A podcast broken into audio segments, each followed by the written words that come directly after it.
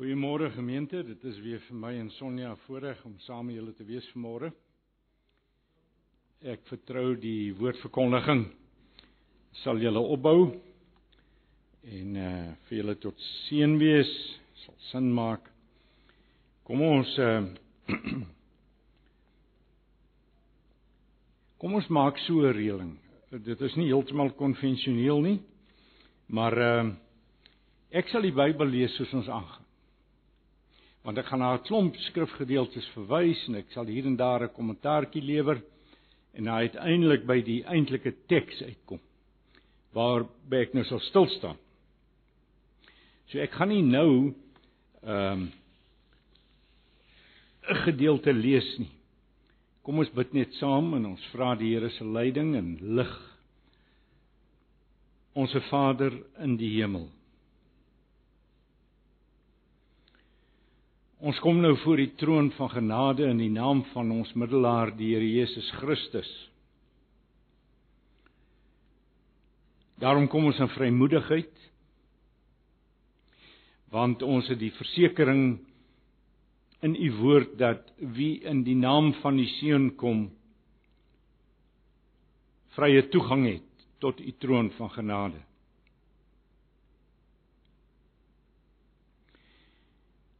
Ons wil in die besonder vanmôre vra dat u Heilige Gees die verkondiging van u woord vanmôre sal seën. Dat u vir ons oop ore en ontvanklike harte sal gee sodat ons hierdie belangrike woord werklik sal aanneem, sal omhels, sal aan boord neem, sal ernstig opneem.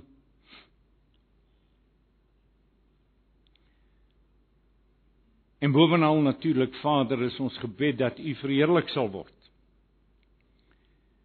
Ook in die opbou van U gemeente.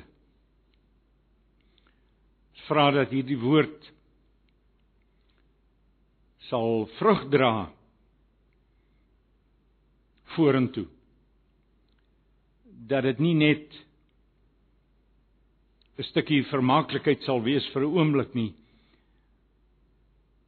maar dat dit sal indring in harte in vermoere Onse Vader ons vra dit met vrymoedigheid en met afwagting in die naam van ons middelaar die Here Jesus Christus. Ons dankie dat U ons hoor en verhoor. Amen. Ek wil net my horlosie stel want ek is geneig om 'n bietjie 'n lang asem te hê. En nou hou ek myself in bedwang. Nou Broers en susters, daar's baie opdragte in die Bybel. Dit is nie 'n nuwe ding wat ek vir julle sê nie, julle weet dit so goed soos ek. En almal van hulle is belangrik uiteraard. Maar sekere opdragte in die Bybel is van fundamentele belang. Dis opdragte waarvan ons as Christene uiteraard baie baie goed moet kennis neem en wat ons ernstig moet opneem en wat ons met alles waaroor ons beskik moet uitleef. En ek dink julle sal met my saamstem as ek sê dat die liefdesopdrag van die Here Jesus absoluut fundamenteel absoluut sentraal is in die skrif en daarom behoort te wees 'n 'n Christelike lewe. Natuurlik die liefdesopdrag het twee komponente. In die eerste instansie is daar noem dit maar die vertikale komponent dat ons die Here ons God sal lief hê met ons hele hart, ons hele siel, ons hele verstand en met al ons krag. Dis die sal julle onthou die eerste en die groot gebod. Nou is dit uiteraard en so duidelik soos daglig dat dit fundamenteel belangrik is. Dat ons die Here God sal lief hê. Dis 'n gebod wat ons nie kan oorbeklemtoon nie. Dis 'n gebod waaroor ons nie te veel kan bid nie. Trouwens, ek wil sê dis 'n gebod waaroor ons elke dag moet bid. En dan natuurlik is daar die tweede komponent, noem dit maar, noem dit maar die horisontale komponent. Die gebod dat ons ons naaste moet lief hê soos onsself. Weereens fundamenteel belangrik. Ek is bevrees dat vir ons as Christene is dit dikwels as jy my die uitdrukking sal vergewe, old hat. Ons hoor dit so dikwels. Dis vir ons so aksiomaties dat ons nie meer daaroor nadink nie, dat ons onsself eintlik nie meer afvra het ek werklik, maar werklik die Here God lief met my hele hart, siel, verstand, krag? Het ek werklik my naaste lief soos myself? Ek wil dus sê dit is iets waaroor ons weer en weer en weer moet bid. Ek wil myself herhaal en sê eintlik behoort ons elke dag hieroor te bid. Dis met ander woorde die liefdesgebod. Horisontaal vertikaal iets wat niemand durf gering te skat nie. En nou onmiddellik hier in my kop sien ek afdraaipaaie. Vergewe my, ek gaan hou by my teks. Nou ek wil graag vanmôre met julle praat oor die horisontale komponent. Dat ons ons naaste moet lief hê. Jy sê ag, al dit. Ek hoop dat ek vanmôre vir julle 'n perspektief of twee kan oopmaak wat vir julle op die hart sal druk hoe belangrik dit is.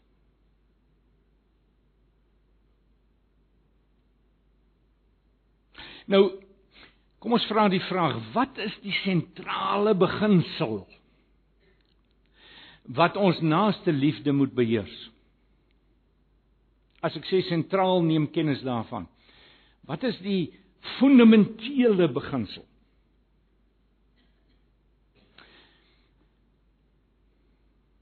Gehoorsaamheid aan die liefdesgebod lê aan die hart van Christelike egtheid, Christelike autentisiteit. Sonder naaste liefde is daar nie meer sprake van Christendom nie. Dis nie eenvoudig soos dit is. Sonder dat jy en ek naaste liefde het, is ons huigelaars is ons geloof en mag ek sê ons hoop te vergeefs.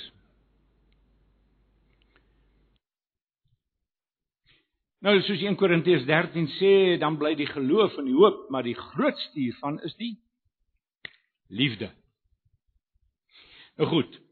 Hieroor wil ek graag vanmôre 'n bietjie met julle praat. Nou wil ek hê julle moet julle Bybels oopmaak of dalk nog beter want ek gaan redelik vinnig nou deur die volgende klompie skrifgedeeltes beweeg. Julle kan dalk ook net luister as julle wil, maar dit maak nou nie saak nie. Ek gaan vir ons lees uit die Nuwe Afrikaanse vertaling. Ehm uh, die eerste een is Matteus 16. Matteus 16 vers net vers 15 en 16, twee verse. Matteus 16 vers 15 en 16. Nou julle sal nou vra nou maar wat het dit nou met naaste liefde te doen? Maar kom ons lees dit en dan sal ek 'n opmerking of twee maak. Vers 15 Maar julle het hy gevra: Wie sê julle is ek? Dis Jesus wat hier in die woord is en hy praat met sy disippels. Wie sê julle is ek? En Simon Petrus het geantwoord: U is die Christus, die seun van die lewende God. So op hierdie stadium In die disippels se saamloop met die Here Jesus, net 'n opmerking of twee, weet hulle dus reeds uh dat hy die Messias is, die Here, die koning, die seun van God. Hieroor sou hulle sekerlik baie gedink het, nagedink het terwyl hulle gestap het van die een dorp na die ander. Gepeins het, met mekaar gepraat het, hom uitgevra het en so meer. Maar ek vermoed en julle sal mettertyd soos ons voortgaan sien julle sien hoekom ek dit sê. Ek dink dat hulle gewonder het. As hy dan die koning is, Waar is sy onderdane? Want konings het onderdane. In destyds het konings en regerders slawe gehad. En dan sou hulle vir mekaar gesê het of hulle sou vir hulle self gesê het ja, onderdane is een ding, maar 'n koning het dan ook altyd helpers, uh adjudante. Kom ons noem dit maar om moderne taal te gebruik, 'n president of 'n regerder het daarom altyd 'n 'n kabinet en hy het ministers. En dan sou hulle gedagtes verder geloop het en hulle sou vir hulle self gesê het, miskien nie dadelik met mekaar daaroor gepraat het, maar jy weet sonder twyfel is dit nie verspek en boontjies dat hy ons geroep het om saam met hom te stap Ek sal my kop op 'n blok sit het Petrus of Johannes of Andreas seker vir homself gesê het. Ons gaan die kabinet vorm.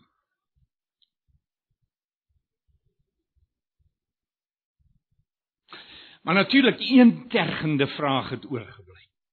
Een tergende vraag. Enige kabinet het altyd 'n voorsitter.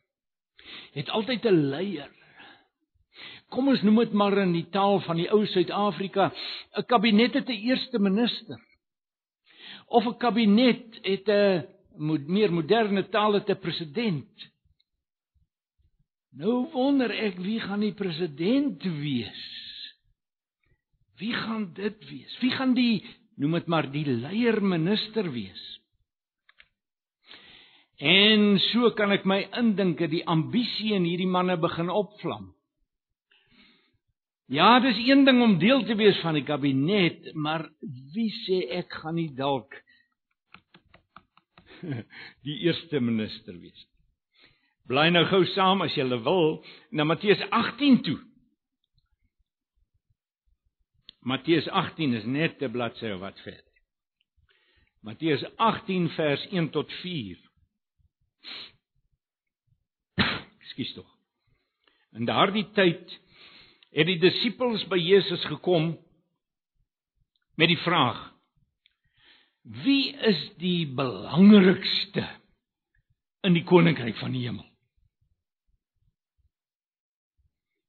Sien, hoor julle wat ek sê?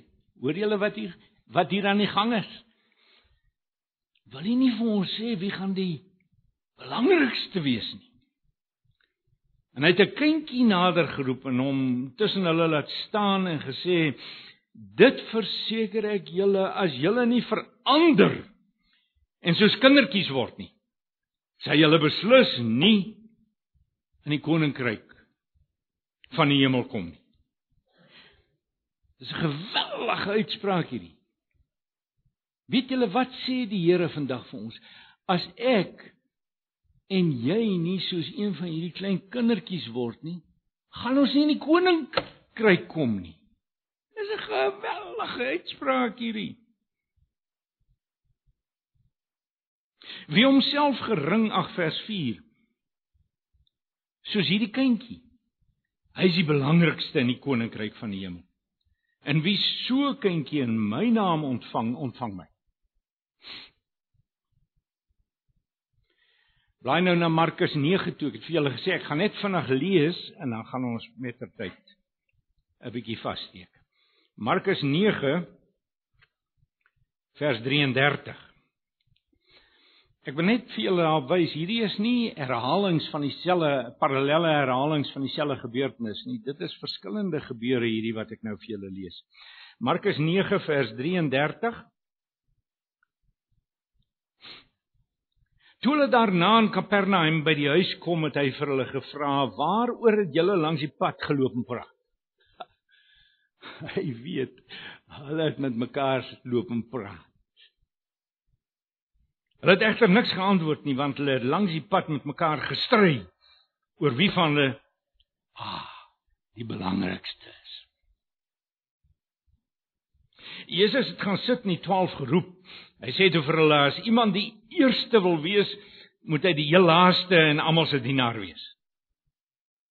En toe het hy weer eens 'n kindjie geneem en hom tussen hulle laat staan. En hy het sy arm om hom gesit en vir hulle gesê elkeen wat so 'n kindjie in my naam ontvang ontvang my. En elkeen wat my ontvang ontvang nie net vir my nie maar ook vir hom wat my gestuur het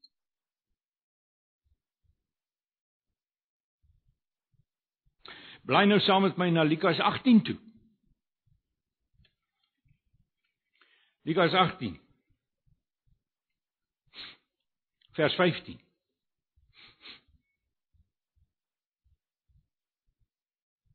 Lukas 18 vers 15 Die mense het ook kindertjies na Jesus toe gebring dat hulle moet aanraak. En toe die disippels dit sien, hulle hulle die mense daaroor geraas. Maar Jesus het die kindertjies nader geroep en gesê: "Laat die kindertjies na my toe kom en moet hulle nie verhinder nie, want die koninkryk van God is vir juis vir mense soos hulle." Dit verseker ek julle.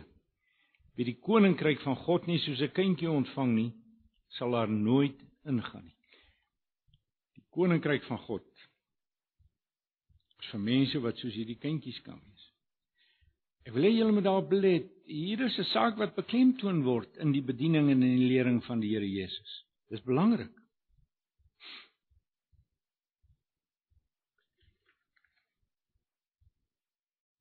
Koninkryk van God is vir mense soos hierdie. Ek sê dit weer.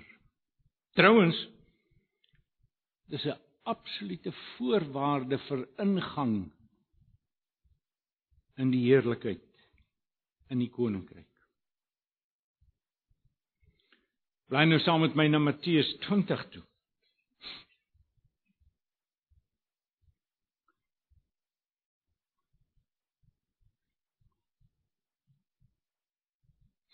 Nou die gedeelte wat ons nou gaan lees is so 6 maande na die vorige insident wat ons sopas gelees het. Matteus 20 vers 20.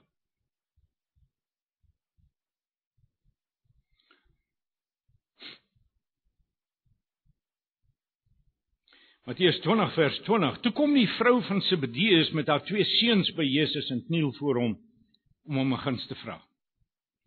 Nou die twee seuns is natuurlik Johannes en Jakobus. En wat kan ek vir u doen? vra hy vir haar. Sy sê vir hom: "Beloof my dat hierdie twee seuns van my in die koninkryk langs u mag sit. Langs u mag sit. Een aan u regterhand en een aan u linkerhand." Toe antwoord Jesus: "Julle weet nie wat julle vra nie. Kan julle die lydensbeker drink wat ek gaan drink?" sien julle hy gebruik die meervoud hier. Julle weet nie wat julle vra nie. Want waarskynlik het die twee seuns net twee tree agter hulle ma geloop. Ma voorgestoot.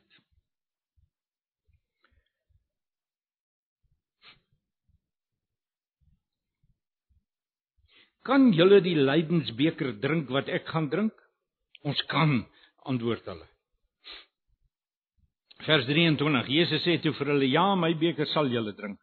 Maar om aan my regter en my linkerkant te sit, daaroor besluit ek nie." Dis vir die vir wie die Vader dit gereed gemaak het. En toe die 10 ander disippels dit hoor, was hulle kwaad vir die twee broers. Mens kan jou indink. Daar is soveel menslikheid tussen hierdie klomp disippels. Dis net soos ons. Sulke arrogansie en dan het die ou wyf nog gedink sy kan ons voorspring om vir haar twee seuns voorspraak te maak. Jy sien? Jesus roep hulle toe nader. En sê julle weet dat dit by die nasies so is dat die bedoelende die heidene dat die regerders oor hulle baas speel en dat die groot manne die mag oor hulle misbruik. Maar by julle moet dit nie so wees nie. Elkeen wat in julle kring groot wil word, moet julle dienaar wees. Moet julle dienaar wees. En elkeen wat onder julle die eerste wil wees, moet julle slaaf wees. Hy gebruik hier twee baie uh ek het 'n professor gepraat uh, gehad op teologiese skool wat altyd gepraat het van twee pregnante uitdrukkings. Die eerste een is diakonos, ons kry ons woord diaken daarvan, dit beteken gewone diensknegt. En 'n slaaf is 'n doulos. Nou ja, ons weet wat was 'n slaaf. Maar dis twee amper sinonieme in die woordeskat van die Here Jesus. En so is dit ook met die seun van die mens. Hy het nie gekom om gedien te word nie, maar om te dien en sy lewe te gee as losprys vir baie mense. So, jy sien die disippels terwyl Jesus nou al herhaaldelik vir hulle gesê het, julle moet soos diensknegte word. Julle moet mekaar hoor ag as julleself en so meer verstaan hulle duidelik nog nie dat prominensie in die koninkryk van die hemele gemeet word met die maatstok van nederigheid en diensbaarheid. Dit verstaan hulle nou nog nie. Maar wat Jesus hulle aan die verstand wil bring is dat elkeen wat in sy koninkryk groot wil wees, moet allermins baasspelerig wees. Nee nee, Hy moenie 'n groot meneer probeer wees nie. Moet veel eerder diensbaar wees by uitnemendheid. En dis hoekom hy hierdie twee woorde 'n dienaar en 'n slaaf gebruik. Jy sien hier is die beginsel. En ek wil hê julle moet dit vasvat. Grootheid in die koninkryk word gemeet met die maatstok van diensbaarheid. Ek gaan dit herhaal. Grootheid in die koninkryk word gemeet met die maatstok van diensbaarheid. Kom ons bly nou na Lukas 22 toe. Lukas 22 vers 24.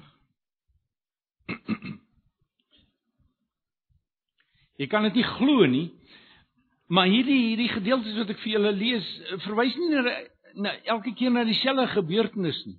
Ons mos nou verskillende evangelies wat parallel loop. Nee nee, is elke keer 'n ander gebeurtenis. Vers 24 van Lukas 22. Daar het onenigheid onder hulle ontstaan oor wie van hulle as die belangrikste beskou moet word. Jy kan dit nie glo nie, maar dit is waarlik so. Maar Jesus sê vir hulle by die nasies is dit so koning speel oor hulle baas en die wat gesag afdwing laat hulle self weldoeners noem. Maar by julle moet dit nie so wees nie. Inteendeel, die belangrikste onder julle moet soos die geringste wees en die een wat die leier is soos een wat dien. Wie is die belangrikste? Die een wat aan tafel is of die een wat bedien? Tog is hy wat aan tafel is. Dit is tog sekerlik hy wat aan tafel is, nie waar nie? Maar ek is in julle kring soos een wat dien.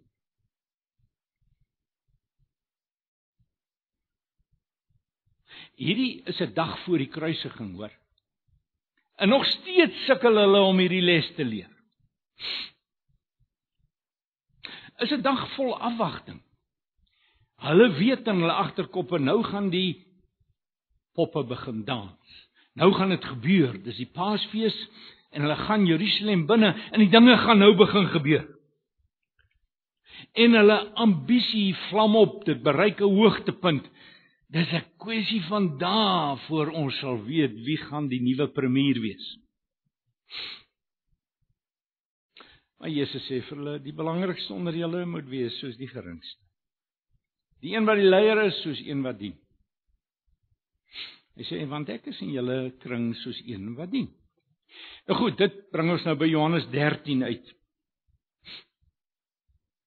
Johannes 13.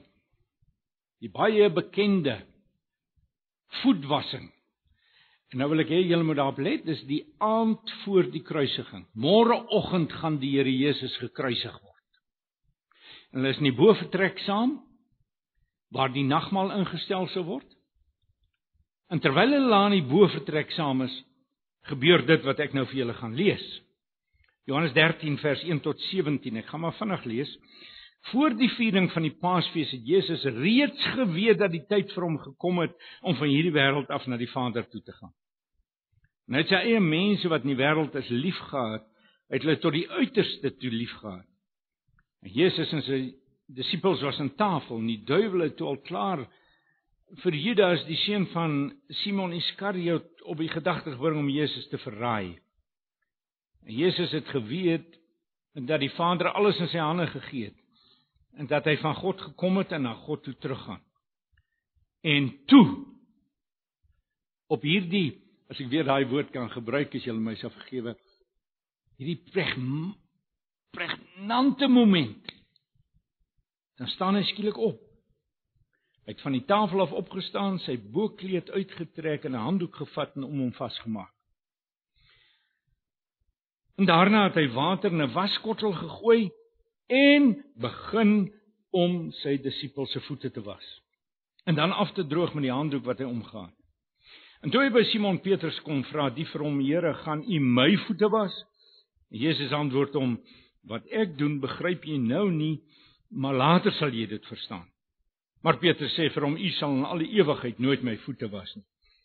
Daarop sê Jesus vir hom, "As ek jou nie was nie, het jy nie deel aan my nie." En Simon Petrus sê toe vir hom, "Here, eh, dan nie net my voete nie, maar ook my hande en my gesig." En Jesus sê vir hom hy wat klaar gebad het, is heeltemal skoon. Hy hoef nie later iets meer as sy voete te was nie. En julle is nou skoon, maar nie almal nie. En Jesus het geweet wie hom sou verraai en daarom het hy gesê julle is nie almal skoon nie. En toe hulle voete klaar gewas en sy bokkleed aangetrek het en weer aangesit het, sê hy vir hulle: "Verstaan julle? Verstaan julle wat ek vir julle gedoen het?" Julle noem my julle leermeester en Here en julle is reg. Want ek is dit. En dan vers 14 as ek wat julle Here en julle leermeester is dan julle voete gewas het. Hoort julle ook mekaar se voete te was. Ek het vir julle 'n voorbeeld gestel en soos ek vir julle gedoen het moet julle ook doen. Dit verseker ek julle 'n slaaf is nie belangriker as 'n eienaar nie en 'n gesant is ook nie belangriker as die een wat hom gestuur het nie. Julle weet dit nou. Gelukkig is julle as julle dit ook doen. Dis dieselfde aand as Jesus en sy disippels in die bofortrek is om die Paasmaaltyd te vier. Môreoggend word die Here Jesus gekruisig. Judas Iskariot het reeds besluit om hom te verraai. Dis 'n 'n geweldige moment in die geskiedenis van die wêreld. Skielik staan Jesus op. Trek sy blou bokkleed uit, soos ons gelees het, bind 'n handdoek om sy lyf, gooi water in 'n waskottel En ek kan my indink die disippels is in doodse stilte. En hulle oë is op hom vasgenaal. Wat nou? Die atmosfeer kan met 'n mes gesny word. En dan besef die disippels wat aan die gang is. Kom ek verduidelik vir julle die agtergrond daar. Destyds het mense sandale gedra.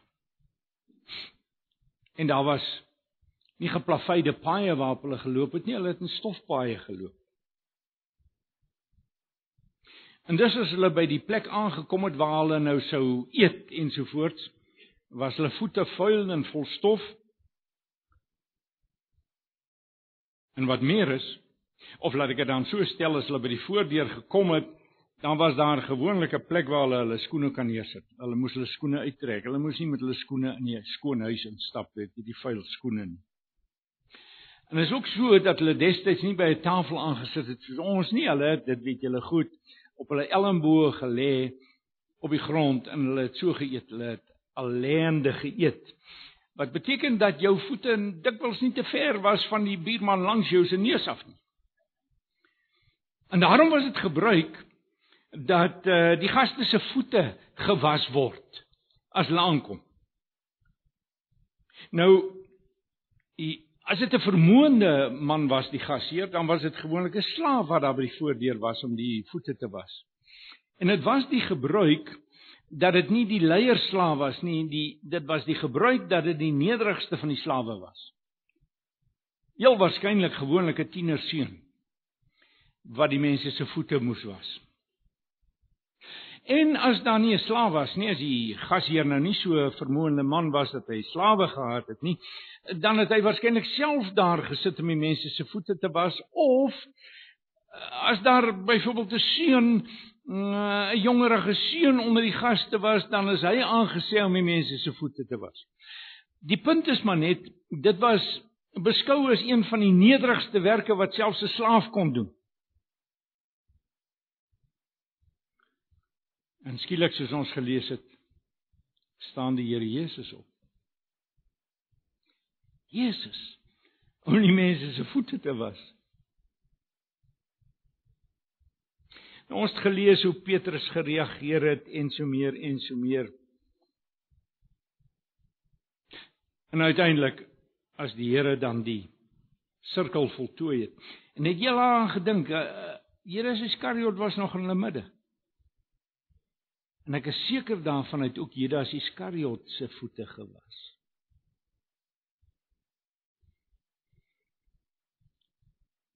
Dan haal hy die handdoek af en hy gaan sit en hy hy sê vir hulle het julle begryp julle wat ek gedoen het? Het dit nou uiteindelik deur julle klapperdoppe gedrink?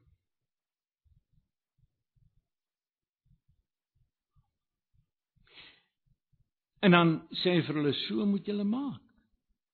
Julle moet mekaar se voete was, soos ek julle voete gewas het. Verstaan julle wat ek vir julle gedoen het? In vers 13 bevestig Jesus sy messiaanse gesag. Hy's die koning. En dan gee hy hulle 'n bevel en ek wil hê julle moet dit nou knoop in julle ore en vas lê in julle denke.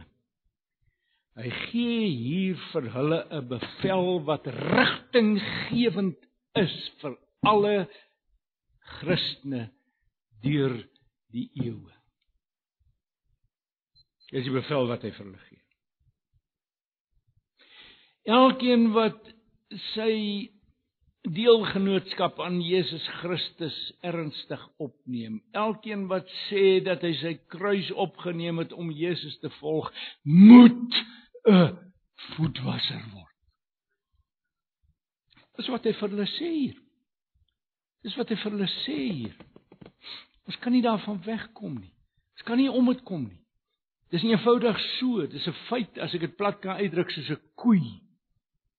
As jy vanmôre sê jy's 'n navolger van Jesus, rus die verantwoordelikheid op jou om 'n voetwasser te wees. Om met ander woorde die werk te doen van 'n nederige slaaf. Som fundamentele belang vriende. Ek dink nie ons kan dit oorskat nie. Kyk wat sê Jesus in vers 14. As ek wat julle Here en julle leermeester is, dan julle voete gewas het, behoort julle ook mekaar se voete te was. En die Grieks wat hy hier gebruik, beklemtoon dat dit 'n gereelde handeling moet wees, voortgaande handeling. Dit moet 'n 'n tipiese handeling wees dat ons ons broers en susters se voete was. Hulle was waarskynlik verbaas toe hy dit vir hulle gesê het. Hulle het verwag dat hy vir hulle gesê, "Goed, ek het nou julle voete gewas. Kyk hoe lyk my voete. Wie gaan my voete was?" Maar sien wat hy vir hulle sê nie. En uh, waarskynlik, waarskynlik, jy kan dit Jesus het waarskynlik die ete met vuil voete genuttig. Maar niemand het sy voete gewas nie. Vers 15 tot 17 is baie belangrik. Ek het vir julle 'n voorbeeld gestel en net soos ek vir julle gedoen het, moet julle ook doen. Dit verseker ek julle, 'n slaaf is nie belangriker as 'n eienaar nie en 'n gesant is ook nie belangriker as die een wat hom gestuur het nie. Hier kan geen misverstand wees nie. Hier kan geen verskil van opinie oor wees wat hierdie gedeelte vir ons wil sê nie. Die ou vertaling sê: As julle hierdie dinge weet, salig is julle as julle dit doen.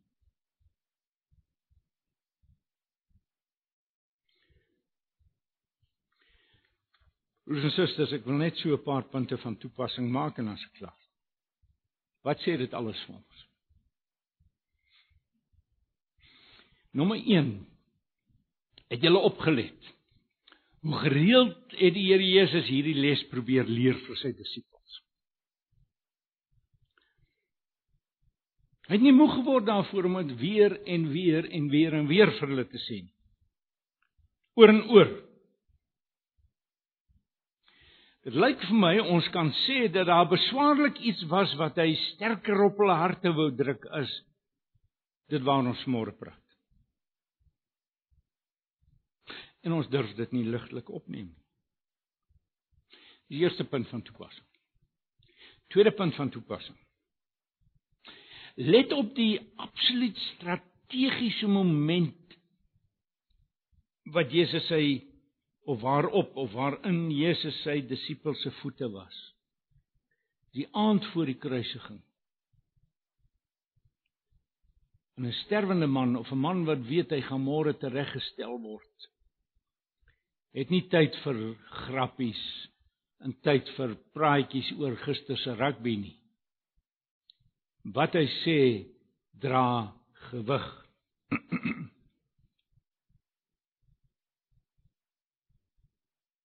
So soek jy 'n merkteken van Christelike autentisiteit. Van Christelike egtheid. Hier het jy dit. Hier het ek dit. Diensbaarheid. Of andersom gestel, wil jy weet hoe lyk 'n geloofshuigelaar? En as ek dit so stel, bedoel ek iemand wat elke Sondag in die kerk sit en wat 'n lidmaat is van die kerk. En wat deurgaan as 'n Christen. Maar daar's baie baie sulke mense wat huigelaars is. Wat op die laaste dag gaan vind dat hulle verwerp word. Baie geweldig baie, skokkend baie sulke mense. Wil jy wil, wil jy weet Hoe lyk so 'n geloofsuigelaar? Sy knieë is te styf om te buig by 'n waskottel.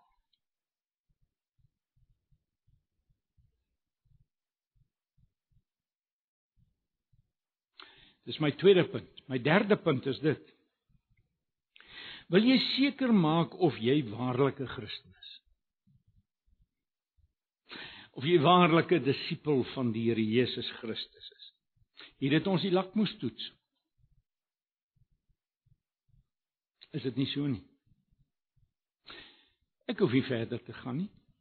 Maar maar tog wil ek daarom een tree verder gee. Wil jy seker maak jy gaan die ewige lewe beerf? wil jy seker maak jy gaan op daardie dag as jy voor die Here Jesus Christus verskyn, hoor goeie en getroue dienskneg.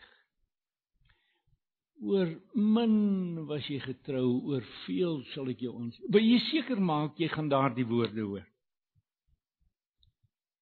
Wel, vra jouself eenvoudig af of jou knieë maklik en gereeld langs 'n was kom buig.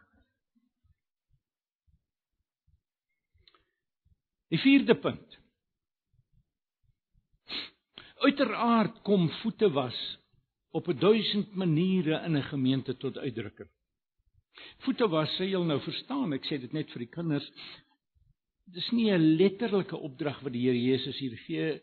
As ek net tussen hakies kan sê, ek het geen probleem daarmee as Christen, Christene dikwels letterlik voete was. Ek was alself by so iets betrokke. Ek dink nie dis noodwendig iets waarop ons nou vreeslik moet die klem laat val nie, maar ek het nie 'n beginsel beswaar daarteen nie. Ek kan vir julle sê dit is wanneer dit met jou gedoen word en iemand jou voete was, is dit 'n geweldige verleentheid en om ander se voete te was is 'n geweldige verheffende ervaring. Maar maar ek probeer niks daarmee sê nie. Al wat ek wil sê is dit is nie 'n letterlike ding waarvan Jesus hier praat nie. Dit is noem dit maar simbolies van diensbaarheid in 'n gemeente en in in die wêreld.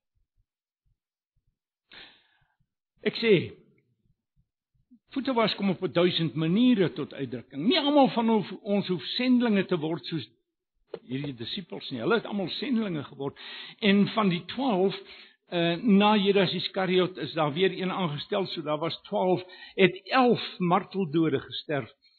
En die een wat nie 'n marteldood gesterf het nie, was die apostel Johannes, maar hy was wel verban na Patmos toe en hy het waarskynlik baie gelei ook in sy lewe. Hy het 'n baie ou man geword. En interessant, hy het in sy ou dag, so word daar gesê in die tradisie van die vroeë kerk, het hy gereeld as hy nou aangekom het en hom gehelp het om by sy plek uit te kom, dan het hulle gesê oom Johannes het oom iets om te sê. En dan het hy elke keer opgestaan en gesukkel. En dan het hy dieselfde ding elke Sondag gesê. My kindertjies, julle moet mekaar lief hê. En dan word hy is een van die redes hoekom hy genoem word die apostel van die liefde. 'n man wat vol godsvrug heen gegaan het. Ek sê nie almal van ons hoef sendlinge te word natuurlik nie. Maar ons moet die groot beginsel hier raak sien. Ons moet diensknegte word. Ons moet slawe word. Heeldag en aldag. Dit was my 4de punt. My 5de punt van toepassing. Ons kan aanvaar dat die voete was beginsel lewensveranderend en permanent in die apostels se harte vasgelees na daardie aan. Hulle het dit nooit weer vergeet nie. Hulle lewens was nooit weer dieselfde nie. Jy al aan gedink hierdie 11 manne hier as Iskariot uitgesluit sou in die jare en die eeue wat kom van die mees bekende figure in die wêreldgeskiedenis word. Tot vandag toe is daar honderde miljoene mense en waarskynlik dalk 'n biljoen of meer mense wat hulle name ken. Maar nie sê jy kan al 12 opnoem nie, maar hulle het al gehoor van hulle. En natuurlik as baie mense, ek is seker as ek nou vir julle sê wie van julle is na een van die apostels vernoem, gaan hierdie hele paar hande op die Johannese en die Petrusse sal hulle aan opsteek. Hierdie mense word onthou en hoekom word hulle onthou? Omdat hulle in die jare en dekades wat gevolg het hulle lewens neergelê het en die voete van die heidene gewas het deur die evangelie aan hulle te verkondig in lewensgevaar. Onthou nou, helf meer as die helfte van hulle trouens amper almal van hulle het marteldode gesterf. En hulle het ver en wyd getrek om die evangelie te verkondig. Thomas hulle weet tot in Indië. Matteus en nog een of twee ander tot in Ethiopië. Petrus het noordwaarts gewees, beweeg en van die ander was elders. Hulle het hulle lewens gegee as slawe om die evangelie uit te dra.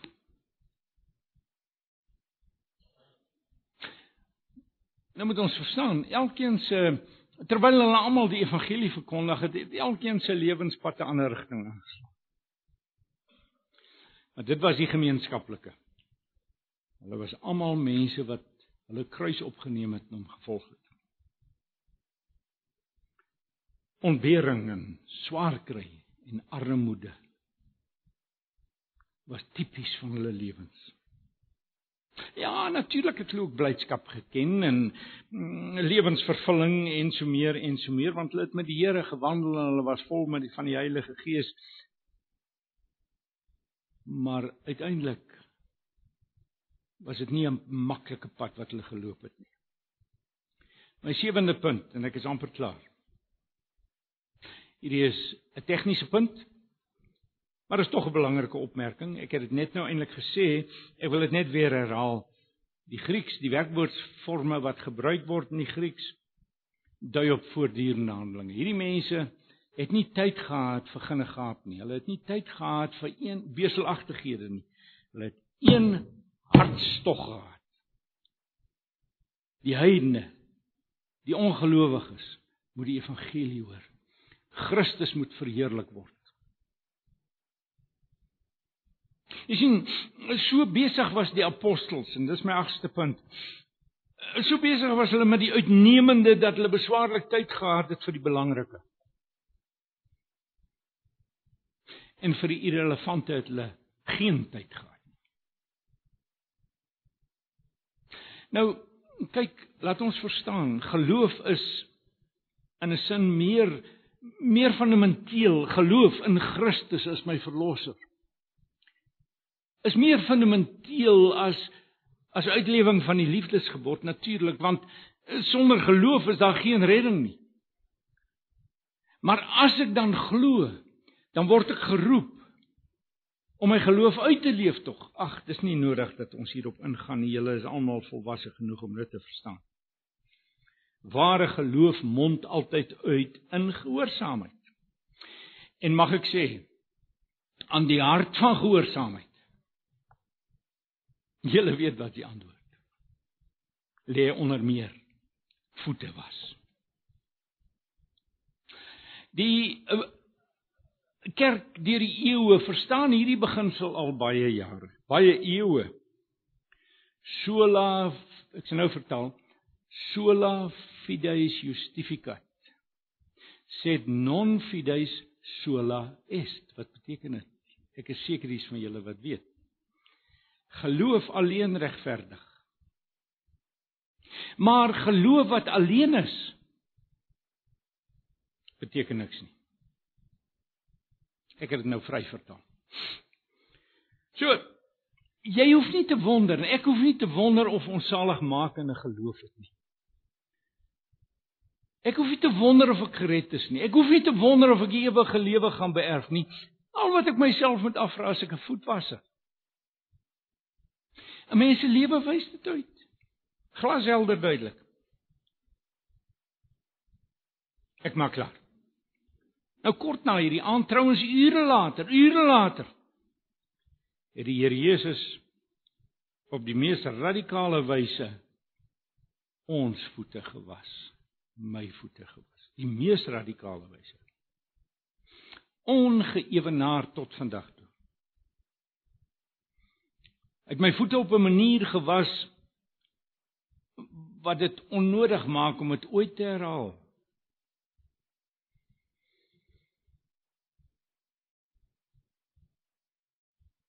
Ek praat natuurlik van sy kruiswerk. Dit is tog voor die hand liggend, julle weet dit.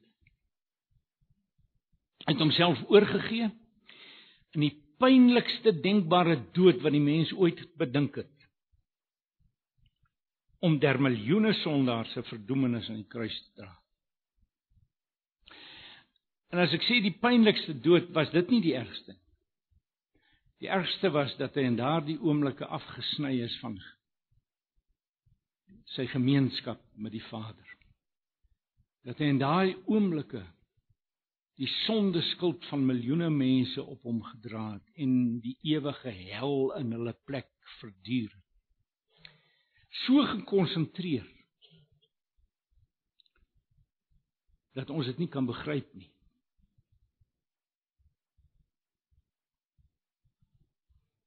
So jy sien, wie was die dienskneg? Wie was die voetwasser by uitnemendheid? Is tog duidelik, die Here Jesus, is dit nie? God die Seun, die Seun van God die ewige tweede persoon van die goddelike drie-eenheid. skepper van die ganse skepping. Het sy lewe op die pynlikste denkbare manier afgelê ter wille van miljoene. En ter wille van ek wil graag glo die verweg die meerderheid van die mense in hierdie saal. Hy was die voetwasser by uitnemendheid. Nou, net 'n laaste sin. Kan jy sien as ek jou voet was? As jy jou broer of jou suster se voete was? Verkondig jy Jesus Christus die gekruisigde. Kom ons bid saam. O Here ons God. Help ons om te verstaan wat ons roeping is. Ja ja. Daar ons roeping behels meer, verseker. Ons roeping is om U te ken want dis die dis die ewige lewe. Die enige waaragtige God. Ons roeping is om U lief te hê. Dis die eerste en die groot gebod. Maar help ons om hierdie gebod wat gelyk is aan die eerste om dit ernstig op te neem. Help ons om in ons lewens te toon dat u herskepende hand waarlik op ons rus. U vingerafdrukke op ons sit.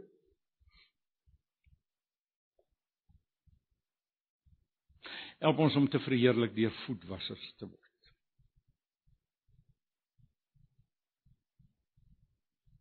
Want Here, U ken ons. U weet dat my vlees en ek is seker die van my broers en susters hier is in rebellie teen hierdie teen hierdie roeping. Uh, ons wil nie voetwassers wees nie. Ons wil die premier word. Ons wil die grootste wees in die koninkryk. Leer ons om soos kindertjies te wees. Ongeag ons roeping in hierdie wêreld, ongeag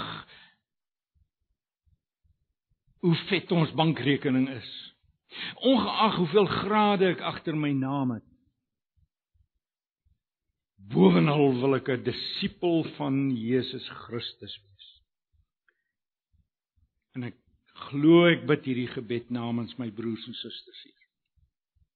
Help ons om hierdie les van vanmôre nooit te vergeet nie. Help my want ek vergeet dit so maklik. Help my broer, help my suster. Dat ons by uitnemendheid sal bekend staan as 'n gemeente van voetwassers. Dankie dat U ons hoor en verhoor. Amen.